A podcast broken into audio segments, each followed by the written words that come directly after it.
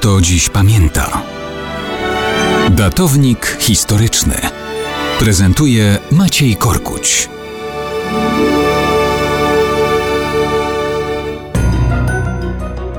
Mało kto dziś pamięta, że w pierwszy dzień wiosny 1685 roku urodził się Johann Sebastian Bach.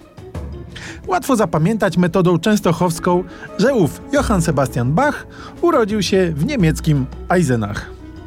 W rodzinie Bachów muzyków było co niemiara od pokoleń, w sumie ponad 40. Oczywiście to Johann Sebastian okazał się najwybitniejszym. Pierwszym jego nauczycielem był ojciec, skrzypek z kapeli dworskiej w Eisenach. On uczył go gry na różnych instrumentach, w tym na organach. Johann Sebastian uczył się doskonali umiejętności, podróżował. Jako dwudziestolatek był organistą w Arnstadt.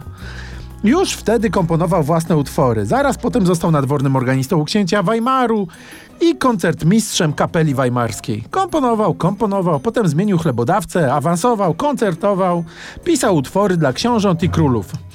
Wchodził w konflikty i spory. Był przez jednych kochany, przez innych wręcz przeciwnie. Jednak mało kto wie, że był Johann Sebastian nie tylko niezwykle płodnym artystą.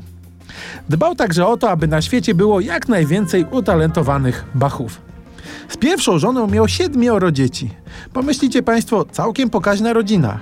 Ale to jeszcze nie wszystko. Po kilkunastu latach małżeństwa Bach owdowiał i ożenił się ponownie. Z nową małżonką miał kolejne dzieci, sztuk 13. Z obu związków miał więc całkiem sporą, okrąglutką liczbę 20 pociech. Kto wie, może tak mają ludzie urodzeni w pierwszy dzień wiosny.